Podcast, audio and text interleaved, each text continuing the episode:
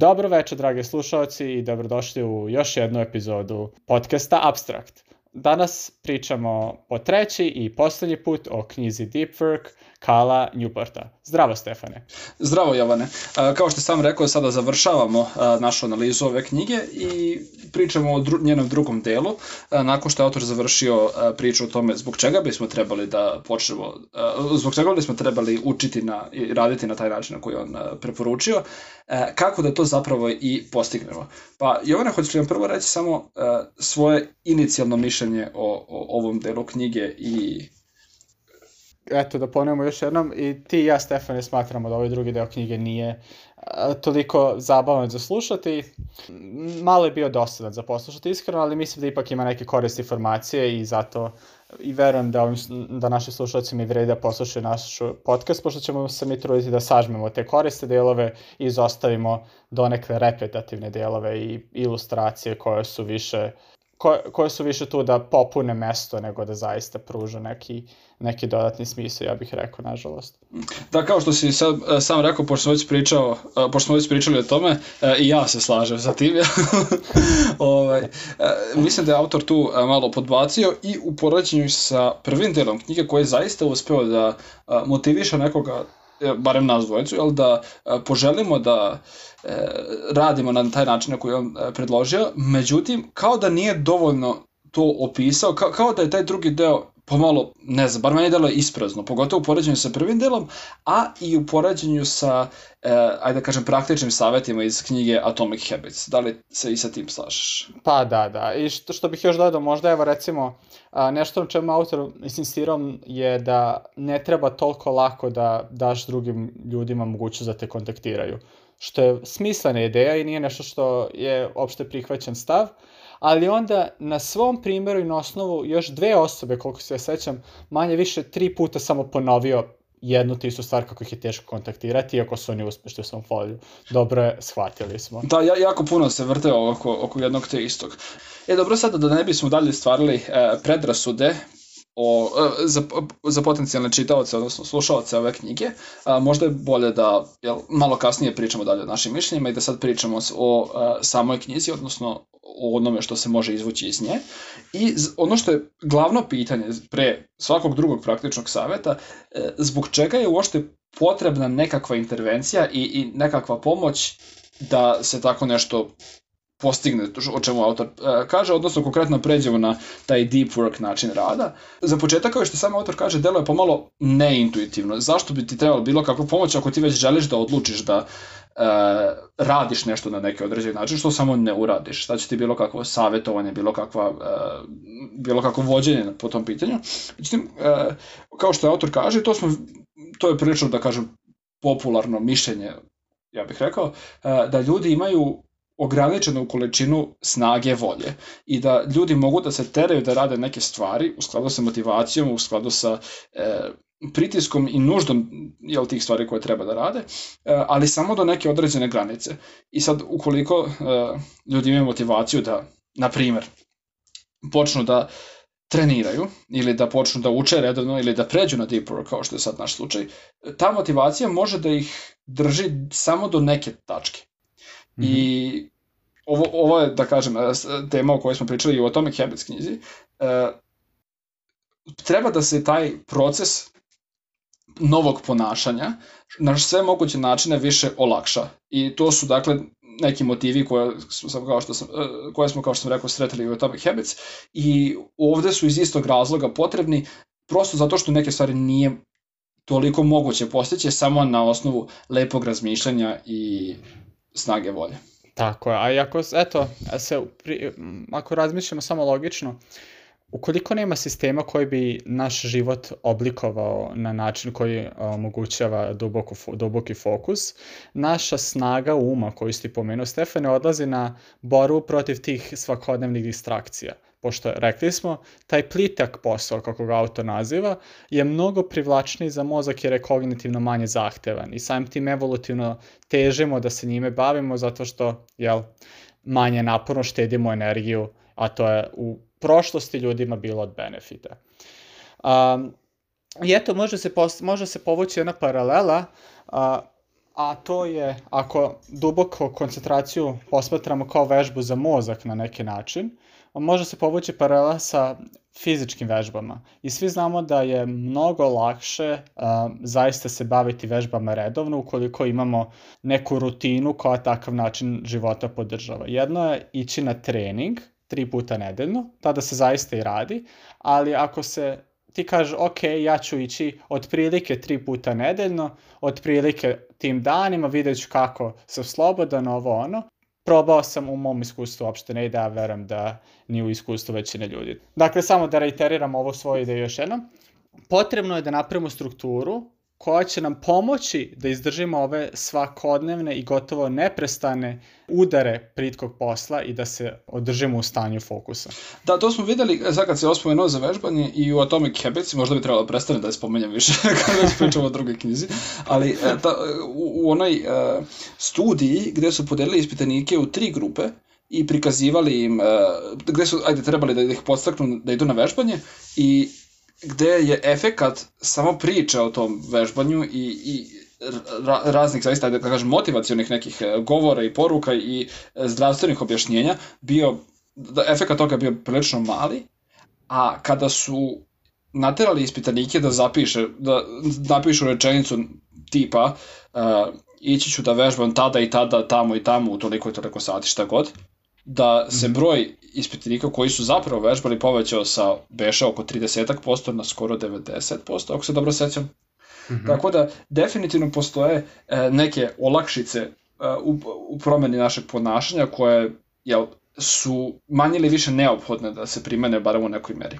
Jedan od dužih problema da, zapravo koji bismo mogli da eliminišemo uh, i koji bi nam olakšao dalje, dalje deep work je odvikavanje od zavisnosti, e, distrakcija i nekih, e, aj reći ću, lako, lakih kratkih informacija.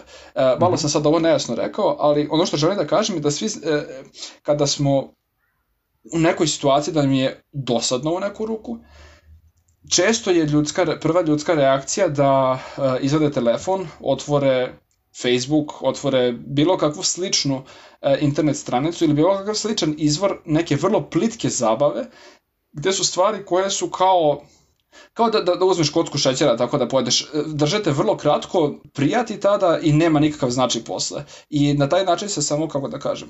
E, e, Ili da čak ima negativan značaj posle u suštini. Da, da, tako šećera. je.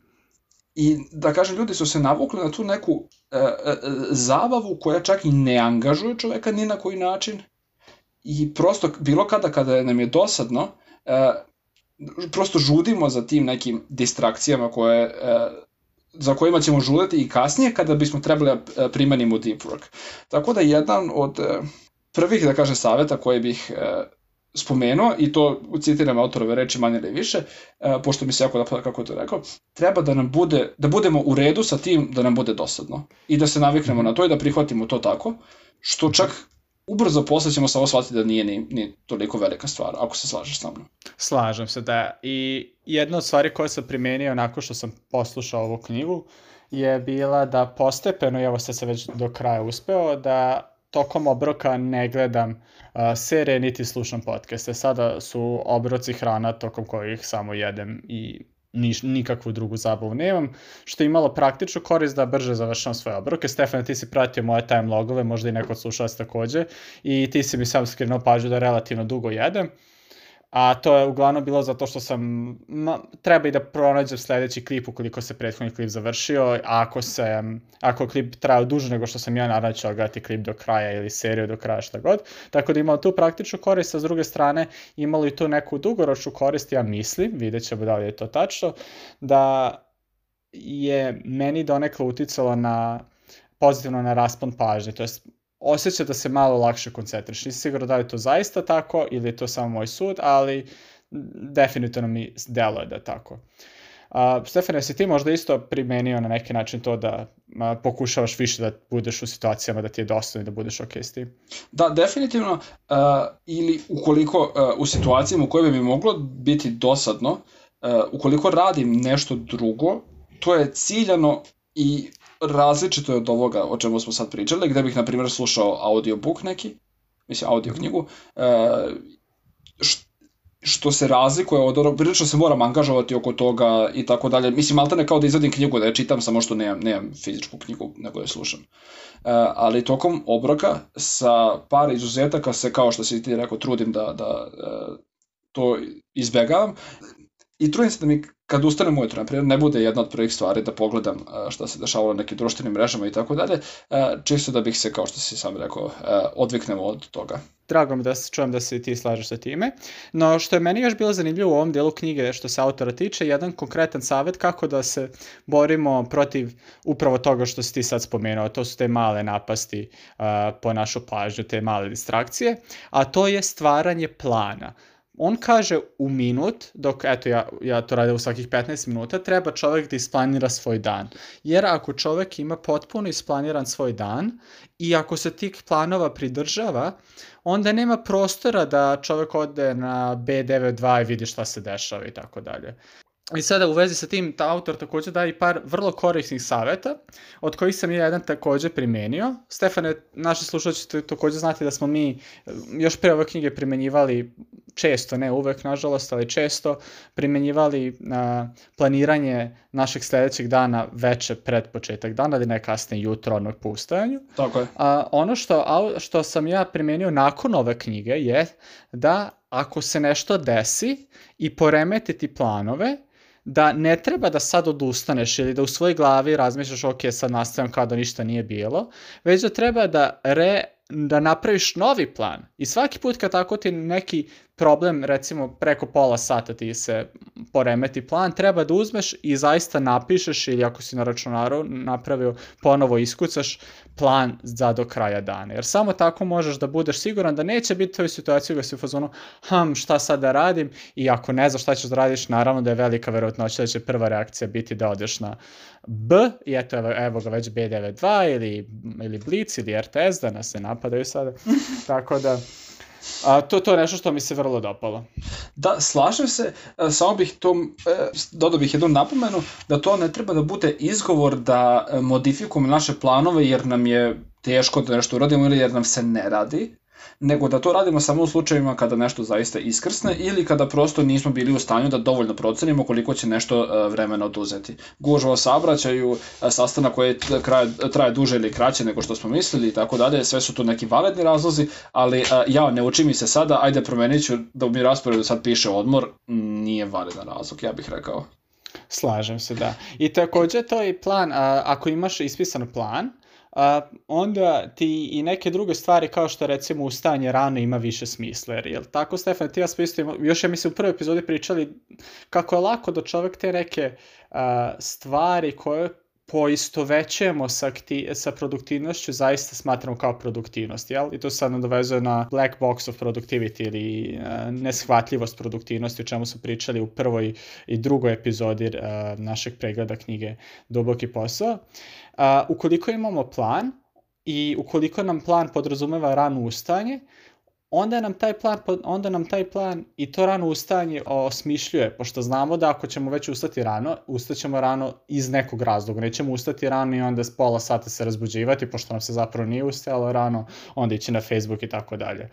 Da, to bi čak negativno uticalo i na iduće takve poduhvate, zato što bismo budeći se uh, ne povezivali taj rani ustanak sa nečim korisnim što ćemo raditi, nego bismo povezivali sa, aha, evo još jedno jutro kada ću možda da radim, a možda ipak da još malo leškarim da vidim šta ima na uh, Facebooku ili tamo vamo. E, e da, samo pre nego što pređemo na nešto dalje, uh, kada je autor rekao, kada si rekao da uh, je predlog da se isplanira svaki minut ovog dana, uh, nije autor mislio na to da se uh, planovi prave sa preciznošću u minut, što je praktično nemoguće, nego da se e, izdele, da se dane izdeli u blokove od e, po pola sata ili beše sat vremena, mislim da je pola sata, i, i da se tada planira jel dan u blokovima od pola sata, ali da se e, čitav dan isplanira. Da, se, mm -hmm. da je na to mišlj, da je na to misli pod e, Ok, ok, to onda mnogo ima više smisla, eto taj detalj mi onda prošao nekako, nisam ga primetio, hvala ti što si to rekao. A, ovaj, I sad, samo ako mogu da, da pomenem još jednu stvar za ovo rano ustane pre nego što kređem na sledeću temu, dopada mi se primjer koji ja dato u ovom delu knjige. I eto, da ne bude da je ceo drugi deo knjige dosadan i mm, da primjeri nisu interesantni. ovaj primjer se ticao jedne osobe koja je pisala svoju doktorsku disertaciju i tokom pisanja doktorske disertacije dobila posao i ta osoba je onda prvih godinu dana pokušavala da nekako uklopi disertaciju i posao ad hoc, tako, kada ima vremena da piše, a pritom imala i porodicu, ako se dobro sećam, i to naravno nije dobro išlo. I ako se dobro sećam, prvih godinu dana je valjda jedan, jedno poglavlje samo disertacije napisano, i onda je ta osoba odlučila, ok, šta god da mi se dešava u mom haotičnom danu, ja znam da od 6 ujutru do 9 ujutru recimo, nisam siguran da to zaista bilo vreme. Nešto kraće, ali sat i po dva već svako jutro, da. tako nešto. Znači, fiksno vreme svakog dana, rano ujutru, jer prosto ran, toliko rano ujutru se ništa ne dešava. I kada je ta osoba zaista svakog dana, u isto vreme, rano ujutru, kad nema šta drugo da se radi, kad deci dalje spavaju, kad predavanja nisu počela, pisala disertaciju, imala je vrlo značajan napredak, ja mislim tri ili četiri poglave naredne godine napisala i to je nešto što mi se baš, baš, baš dopalo u ovoj knjizi i to je nešto što sam pokušavao da primenim posljednjih me, mesec dana. Međutim, evo, priznaću, prilično neuspešno zbog toga što uh, ne, nekako previše mi je haotično. Bilo imao sam i cimera koji mi nije, doz... koji, eto, iako mora da stušira i tako dalje, ja prilično lako se budim i onda nisam uspeo ni da zaspim na vreme, sam ti se ne probu na vreme, tako da, eto, nisam uspeo prethodnih mesec dana da pokušam, da, us, da uspevam da redovno i uh, ustajem u 6 ujutro i da zaista onda radim naravno 3 sata, ali to je definitivno nešto što želim da pokušam u budućnosti i konkretno naravno semestru kad budem pisao master tezu. E, uh, rekao bih dve stvari na ovo. Uh, s jedne strane se apsolutno slažem, nije jako lako to postići, uh, i u par dana kada sam to pokušavao, ok, uh, dva da, radim dva dana nedeljno, uh, ukupno 15, 15 sati nedeljno uh, po manje više zakonskoj regulativi za studente ovde. Nisam sad tačno siguran do čega, ali ne, ne smem da radim više 15 sati nedeljno. I, i, i ta dva dana nemam predavanja. Uh, I plan mi je da ustanem rano pre posla i da učim sat i po okvirno. E, međutim, ukoliko nisam naspavan ili ukoliko nešto zapravo od svega toga pođe po zlu, prosto poslednjih sat, sat i po dva posla mi budu ne toliko produktivni zašto prosto ne mogu da se tada skoncentrišem. Međutim, imao sam i pozitivan slučaj toga, odnosno ajde pozitivan, da kažem, dan što se tiče koncentracije. U, u četvrtak sam imao posao neplanirano, pošto a, nije bitno neplanirano, i još neka dodatna predavanja. I ukupno sam bio preko 9 sati na poslu i sat i po na predavanju i bio sam zapravo sve vreme prilično efikasan. Tako da mislim da, da bi možda trebalo da nastavimo da pokušavamo to, samo i da jel, samo čekamo da u nekom trenutku se uh, sklope stvari, da se malo naviknemo, da se malo uvežbamo da, da to bolje radi. E sad, uh, što se tiče tvojeg problema za spavanje, uh, imam jedno rešenje od pre bukvalno dve nedelje možda, koje je izuzetno efikasno, ali mislim da je potencijalni problem da se navikneš na to i da kasnije ne možeš da spavaš toliko lako bez toga. Mm -hmm. uh, I kori, dakle, e, početno koristim čepiće za uši. Ovo sad zvuči kao reklama za Cosmodisk, ali uh, kad ih stavim u uši, skoro ništa ne čujem okolo što se dešava, a i ono malo što čujem mi ne odvuče pažnju. Uh, I čak i kada ne zaspim odmah zbog razloga, ono, ne, nekih random zbog kojih inače ne bih zaspao odmah, uh, imam osjećaj da se mnogo kvalitetnije naspava. Ne budim se prosto. Verovatno mm -hmm. inače kada je bilo, koja od, bilo ko od cimera otišao do toaleta ili bilo šta uradio ili bučo bih se probudio ili barem malo razbudio, jeli, što bi mi pokvarilo san, ovako se to ne dešava. I ovaj dan sam mm, tri ili četiri dana za redom spavao po oko 6 sati i četvrti dan od toga sam imao taj četvrtak koji sam rekao gde sam radio ukupno oko 11 sati i bio izuzetno efikasan. Tako da mislim da em što olakšava da zaspiš i kao više spavaš, em što podstiče e, kvalitet sna. Mm -hmm, da, Stefane, zapravo ja povremeno koristim čepiće za uši i moram da kažem da sam ja bio u toj situaciji da je trebalo da prođe malo vremena da se navikneš, ali sada mi uopšte nije problem da zaspiju kad ih imam. S tim što razlog zbog koga ih ja nisam koristio tako redovno tokom tih par dana kad sam, to malo preko nedelje dana kad sam pokušala da se ubacim u taj novi mod rada, je taj što ne želim da dođem u situaciju da ne mogu da spavam bez čepića. To mi deluje kao potencijalno pasog s tog pristupa. Jel ti možeš da zaspiš i sa i bez ili... Pa, pošto samo dve nedelje, ne, između nedelju dve dana ih koristim, mislim da nisam pokušavao spavam bez njih. Tako da mhm. ne, ne znam da odgovorim na to pitanje. Mm -hmm, mm -hmm. Da, u svakom slučaju, razlog, to je jedan deo razloga zašto ih nisam počeo koristiti, drugi je zato što sam i sam shvatio da, eto, prosto sad ću uskoro raspust, kod kuće svakako neću ustajati u 6 ujutru, um, tako da od narednog semestra ću vratno zaista i poslušati taj tvoj savjet i evo u opisu ove misle ću postaviti uh, poš, uh, brand koji ja koristim za čepiće, pošto sam probao par par, kom, par vrsti dok nisam našao ko mi najviše odgovara.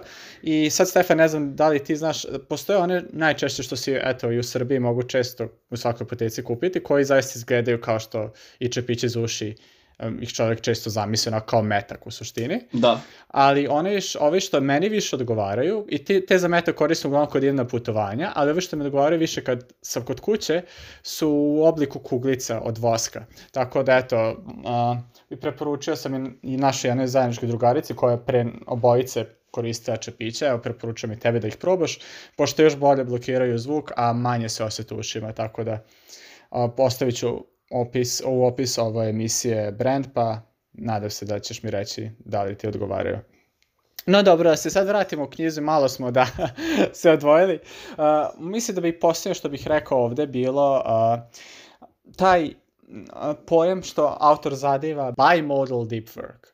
To je kada imamo striktno definisane periode kada uh, se bavimo dubokim poslom. Sad, pošto je autor i sam profesor je dao primjer jednog drugog profesora koji tokom zimskog semestra recimo se bavi dubokom, dubokim poslom, jel? pisanjem radova, istraživanjem i tako dalje, a onda tokom drugog semestra u godini se bavi predavanjem i dostupani studentima, dostupani kao mentor i tako dalje. To mi se takođe dopada. Da, to malo liči na Junga, ne znam da li smo spomenuli to u priči o Jungu.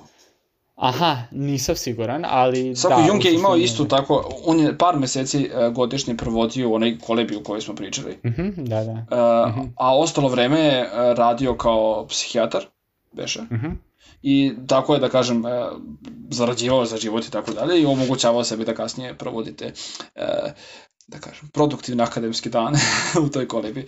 Uh, Meni što je palo napad kako bi studenti ovo mogli možda da primene je tokom leta, uglavnom sem ako nam nije ostalo baš jako puno ispita jel, za september i oktober, imamo više vremena nekom tog ostatka akademske godine. Onda misli da je leto, sem za, za letovanje i tako dalje, sjajno vreme i za neki online kurs recimo ili pripremu za neko takmičenje ili bilo šta drugo, neko, e, neki NGO, to jest nevladinu organizaciju ukoliko studiramo pravo ili ekonomiju i tako dalje.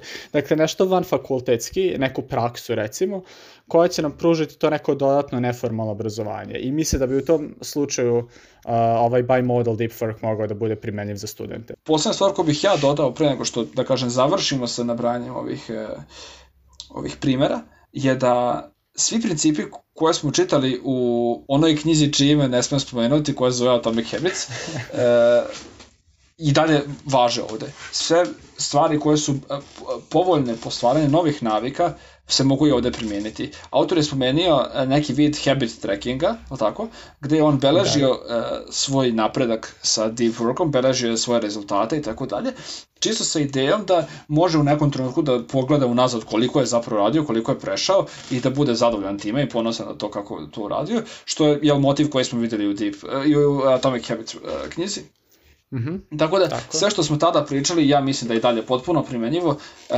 samo bilo prilagođeno uh, drugoj tematici.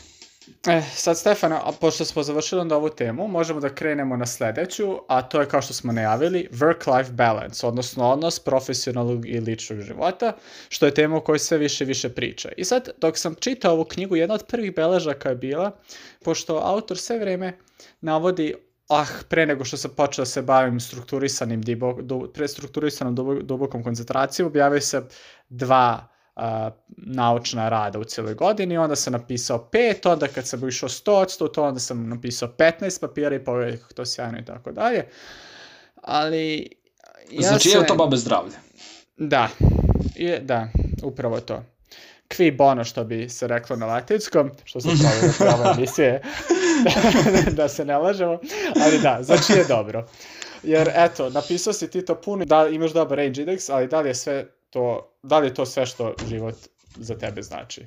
Šta ti misliš o ovome? Stefane, baš me zanima tvoj stav. Ok, ja, ja, ja mislim da ako poradimo, da kažem, poslovni čovekov život i njegov privatni život van tog posla, e, sa idejom da pronađemo tu neki balans, da, da to podrazumeva da e, čovek ne zapostavlja ostale stvari koje su e, porodica, prijatelji, e, odmor, umetnost, hobi i šta god da ga, da ga čini srećnim.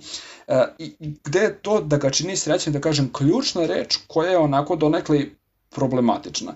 I mislim da je jako teško im pomalo nezahvalno pričati o tome na ovako kratkom, u ovako kratkom intervalu.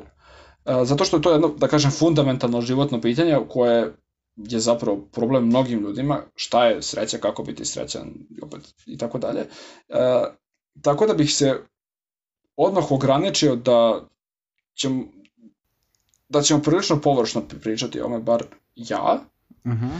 I što se tiče tog work-life balansa, mislim da je samo, da kažem, neka, nešto glavno što bih istakao, da ne treba mešati ta dva, e, da ne treba, da kad smo na poslu, da treba da radimo, i kad smo van posla, da ne treba da radimo.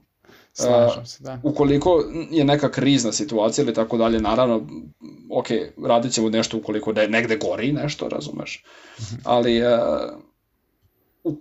ne treba da bude navika da posle posla dođemo kući i umesto da provodimo vreme sa porodicom, radimo i dalje ono što smo radili na poslu, zašto nam je zanimljivo, ili zato što brinemo o tome i tako dalje, nego da jasno postoji razgraničenje između ta dva i da vreme na poslu jednako posao, odnosno rad, vreme kod kuće jednako sve ostalo.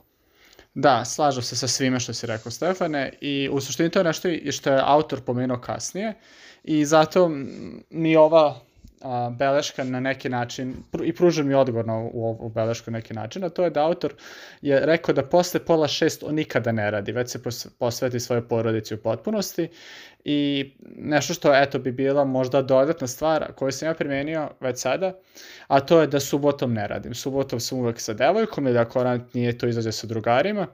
Um, ili se na neki drugi način odmaram, ali subotom nema rada osim ako baš, baš, baš ne mora. I to je kao što si ti rekao, Stefane, osim ako ne gori, ali onda hajde da imamo neku smislenu granicu za to šta znači goreti. Ispit je u ponedljak je ok granica. Ispit je u ponedljak one tamo nedelje nije ok granica da odustaneš od slobodnog dana. Zato što da, ako čovjek baš preteruje, doći će do situacije da više ne može. Svi smo mi samo ljudi, imamo svoje ograničenja. E, to se i mene desilo. E, inače, i meni igrom slučaj kao i tebi, subota on je neradan dan. Mm -hmm. I, I kada sam jedne nedelje propustio tu subotu i našao se sa drugarom da učim, sutradan sam u nedelju isto to radio zašto bi nedelja bila radni dan. I tada sam već bio prilično istrpljen i, neefikasan i tog ponedeljka ništa živo nisam mogao da uradim. Bukvalno mozak kao spršen. Nikakva, ni motivaciju, ništa, apsolutno ni do čeg mi živog nije bilo. Da, I da. to, iz tog razloga taj ponedeljak nisam uh, radio, nego sam u četvrtak i ostao sam kući ono, pravio kolače, odmarao, radio, radio bukvalno šta mi se radilo. Samo. Prosto da, da. ne mogu da opišem neprijatnost tog osjeća, mislim mogu, ali... Moj, moj slučaj bio kad sam imao jedan ispit baš pre proteklog meseca, a, pripremao sam se nedelju dana intenzivno za njega i toliko sam se izmorio da dan pred ispit možda sam sat vremena efikasno učio. Nisam mogao da pročitam nijenu foliju ili da bi život od toga zavisi. Tako da eto, treba čovek da pazi na to. I dopada mi se još jedna stvar koju je ovo autor uh, rekao. Sada ja se sećam da on to rekao u jednom od intervjua koji sam slušao sa njim. Nisam siguran da li ima ove knjize, mislim da ima, ali eto ti ćeš mi reći Stefane. A to je da kada on završi svoj radni dan, on kaže, naglas bukvalno kaže system shutdown complete. Završio sam radni dan u suštini. I time što da, to, to rekao priča. naglas, nekako, ja, i u knjizi rekao, eto super onda. Da, da, e, napravio, napravio taj svoj neki, da kažem, lični ritual, pod navodnicima, za prestanak posla. I to su možda trebali spomenuti pre kao e, primer kako ovo primijeniti, samo što se vjerojatno nismo setili. Uh, to je ne, nešto što, da kažem, ozvaničava, barem samom čoveku u glavi, jel, e, prestanak posla i prelazak na onaj drugi režim života. Mhm, uh mhm. -huh, uh -huh. Da, i, sad, i sada, po... Stefane, još jedna stvar koja mi, je, koja mi je ovako iz knjige ostala, iz, izvijem ako ste prekinuo, reći ćeš mi, ali eto, samo ne, ne, kaži, kaži. Misao. Dakle, a, autor takođe kaže da treba čovjek da bude sveštan šta su mu bitne stvari u životu. Meni jeste bitno da budem dobar, evo sada već sam pri kraju studija, znači student, a kasnije i data scientist ili informatičar, a, ali mi je takođe bitno da očuvam svoje mentalno i fizičko zdravlje, što bi konkretno značilo da imam a, dovoljno vremena kada ću se baviti stvarima koje me interesuju, kada ću istraživati stvari koje me zanimaju, to jest drugim rečima, kada ću biti sa prijateljima, porodicom, kada ću igrati Skyrim, I fizičko zdravlje podrazumeva da ću se baviti trčanjem i drugim fizičkim vežama. Tako da eto, bez te tri stvari, džabe što sam dobar student, pošto eto propadam na nekom drugom frontu i onda ako ti zdravlje odlazi bilo mentalno, bilo fizičko, nećeš biti ni dobar student još dugo, nažalost.